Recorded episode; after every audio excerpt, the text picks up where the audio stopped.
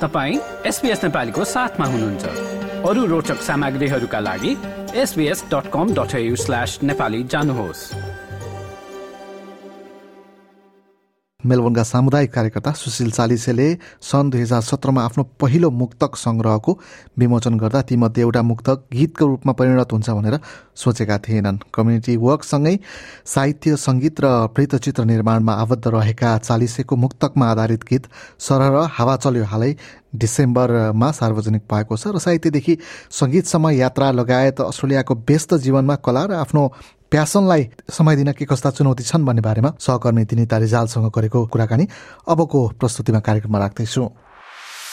तपाईँको समुदाय तपाईँको कुराकानी। एसपिएस नेपाली।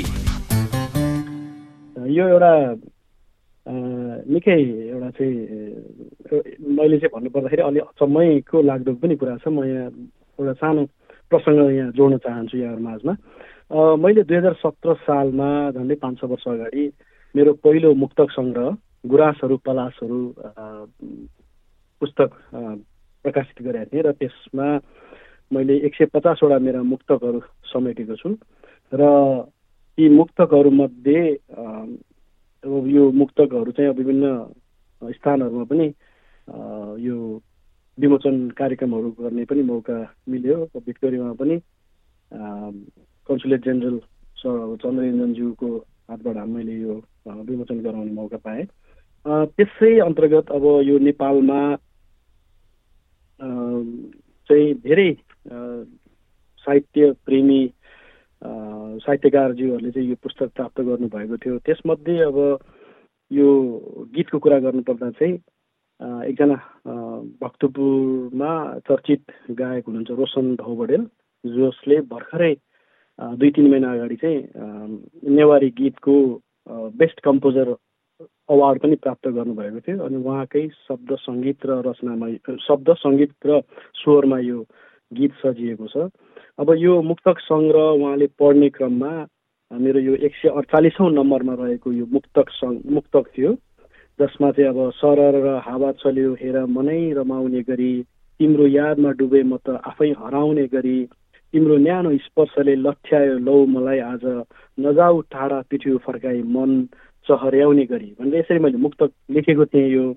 अनि यो मुक्तक उहाँले पढिसकेपछि चाहिँ उहाँलाई चाहिँ यसो त्यो गिटारमा अब चाहिँ यसो चल्दा चल्दै उहाँले चाहिँ एकदम मिठो खालको चाहिँ गीत एउटा चाहिँ कम्पोज गरिहाल्नु भएछ र उहाँले चाहिँ मलाई अनुरोध गर्दै मैले चाहिँ सर यस्तो यस्तो गरेँ। मलाई चाहिँ साह्रै यो मन परेको हुनाले यसमा चाहिँ मलाई एउटा दुई तिनवटा लाइन थपेर चाहिँ मलाई गीत गाउने अनुमति पाऊँ भनेर भनिसकेपछि अनि त्यसपछि मैले यसमा चाहिँ आफैले चाहिँ ल ठिकै छ नि त यो पनि मेरो लागि एउटा राम्रै कुरा हो। मुक्तकलाई गीतमा परिणत गर्नु पाउँदा एउटा मेरो पनि कृति थपिने भयो भन्ने हिसाबले चाहिँ मैले अनि एउटा गीतको रूपमा बनाएर अनि भर्खरै यो रिलिज भएको अब यसरी विभिन्न सामुदायिक गतिविधिहरूमा पनि तपाईँ संलग्न भइरहनु भएको हुन्छ होइन? अब कम्युनिटी वर्कर नै हुनुहुन्छ पेसाको रूपमा। अनि अब केही वर्ष अगाडि किताब पनि निकाल्नुभयो मुक्तकको। अनि अब तपाईँले पहिला भन्नुभयो अनुसार अब म्युजिक भिडियो डिरेक्सन गर्नेदेखि लिएर विभिन्न त्यो कामहरूमा पनि संलग्न हुनुहुन्छ। तपाईँले समय चाहिँ कसरी निकाल्नुहुन्छ यो आर्ट्स फिल्डको लागि भनौँ न?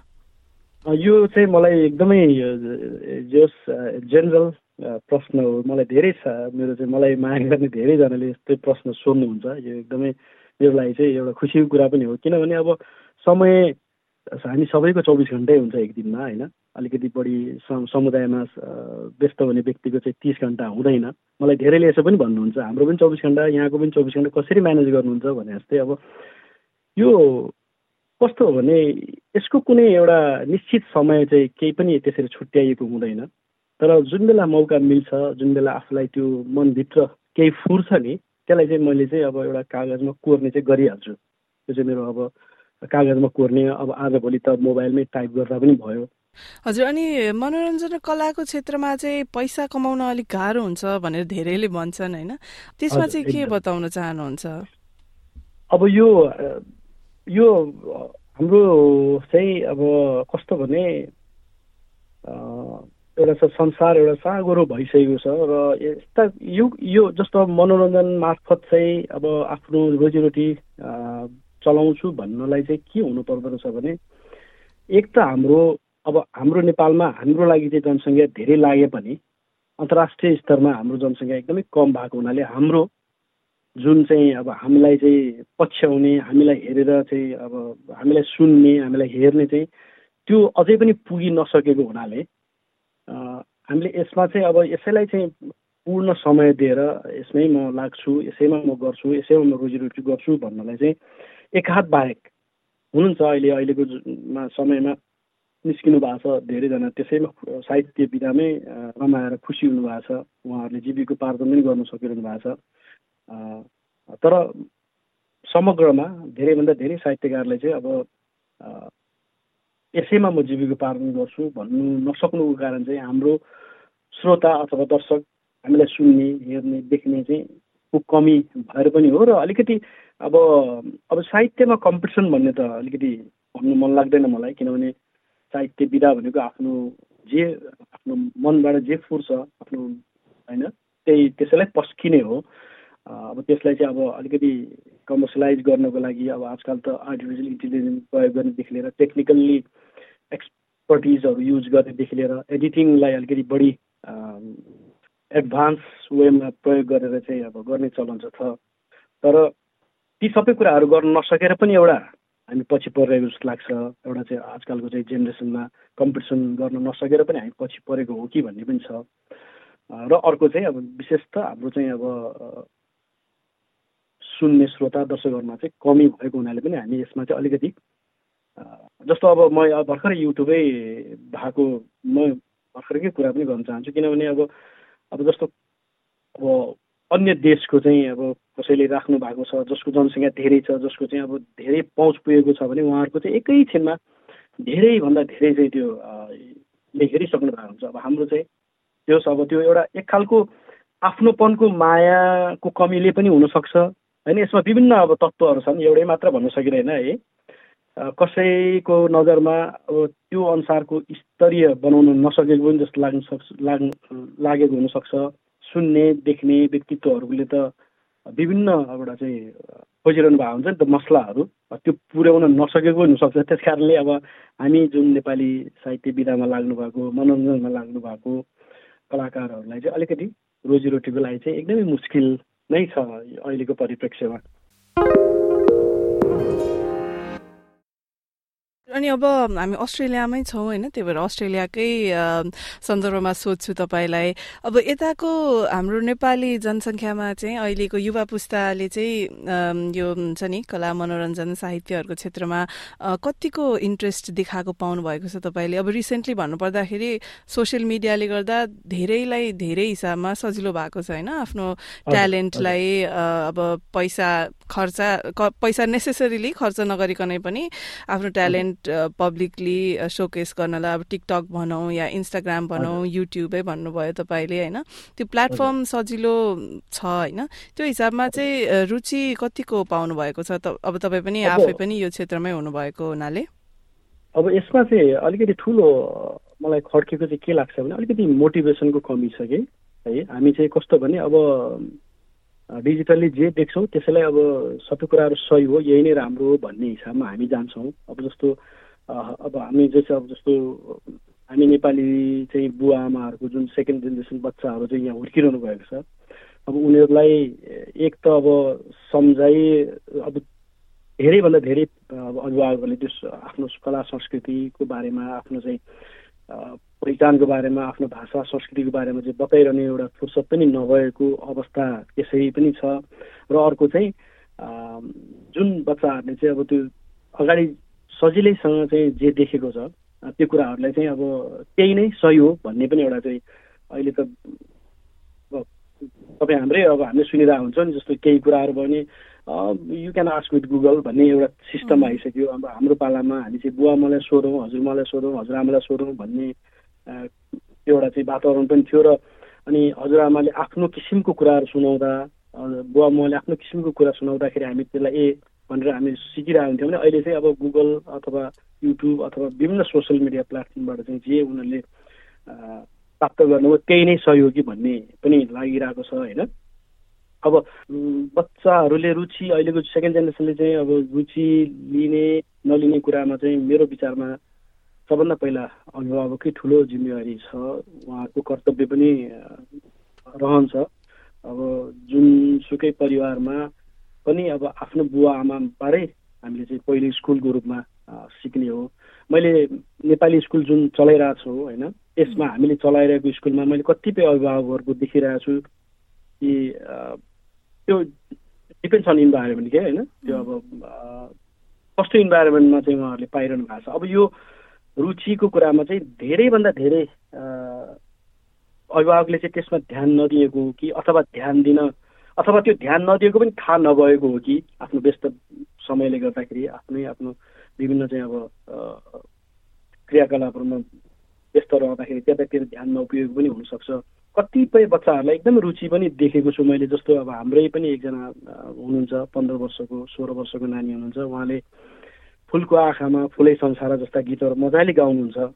संस्कृति कला साहित्यका कुराहरू पनि हामीसँग सेयरिङ गरिरहनुहुन्छ।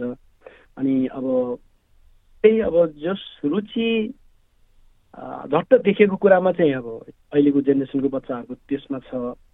तर अब हाम्रो कला संस्कृति भाषा साहित्यमा चाहिँ अलिकति हामीले एउटा केही यसमा चाहिँ अब सम्बन्धित निकायको पनि ध्यान दिनु पर्ला पर्छ जस्तो लाग्छ मलाई। अब अस्ट्रेलियाको एकदम व्यस्त जीवन छ होइन? सबैजना अब आफ्नो काममा पछाडि काम पछि दौडिनु पर्ने बाध्यता हुन्छ। अब यस्तोमा चाहिँ अब यो आर्ट्स भनौँ न कला साहित्य र मनोरञ्जनको क्षेत्रमा लाग्न चाहनुहुने र विशेष गरी अब अहिले त हाम्रो नेपाली कम्युनिटीको जनसङ्ख्या पपुलेसनको कुरा गर्दाखेरि चाहिँ मेनली अब नेपालबाट आउनुभएको स्टुडेन्टहरू यङ एजको युवा पुस्ताहरू हुनुहुन्छ नि त। उहाँहरूलाई अब यदि कला क्षेत्रमा प्रवेश गर्नु मन छ र कसरी सुरु गरौँ भन्ने एउटा त्यो अलिकति अलमल अलमलिरहनु भएको छ भने कोही? तपाईँको सन्देश चाहिँ के छ? हजुर। अब मेरो आफ्नो अनुभव चाहिँ म के भन्न चाहन्छु भने कला साहित्य यो आफ्नो चाहिँ अन्तर्मनबाट उत्पत्ति हुने कुरा भएको हुनाले यसको लागि पैसा छैन भन्नु पर्दैन समय छैन भन्नु पर्दैन मैले खानु पाइनँ भन्नु परेन।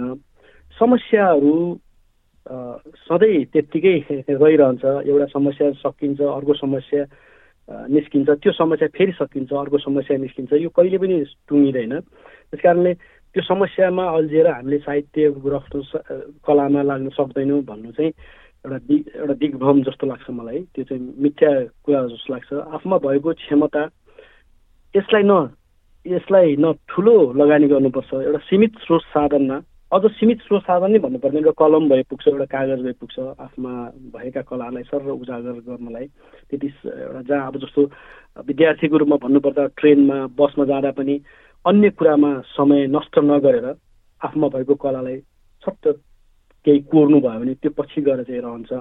अब हाम्रो जीवनमा हामीले जति पनि अब जोड्छौँ जति पनि कमाउँछौँ जति पनि अब राम्रो यो गऱ्यो त्यो गऱ्यो भनेर भन्नु भनेको त्यो क्षणिक जस्तो लाग्छ मलाई। र अन्त्यमा रहने भनेको चाहिँ सदा रहने भयो भनेको अन्य व्यक्तित्वहरूले चाहिँ मनमा राख्ने भनेको कला साहित्य सङ्गीत नै हो। त्यस कारणले गर्दाखेरि यसको लागि कुनै एउटा पर्टिकुलर कुनै एउटा चाहिँ छुट्याएर अब यसको लागि यो गर्नुपर्छ भन्ने छैन। जस्तो जिम गर्न जानु भन्दा म हो त्यहाँ जिम क्लब जोइन गर्नु पर्ला टाइम दिनु पर्ला यो भन्ने अब एउटा इक्जाम्पलको रूपमा मैले दिएको।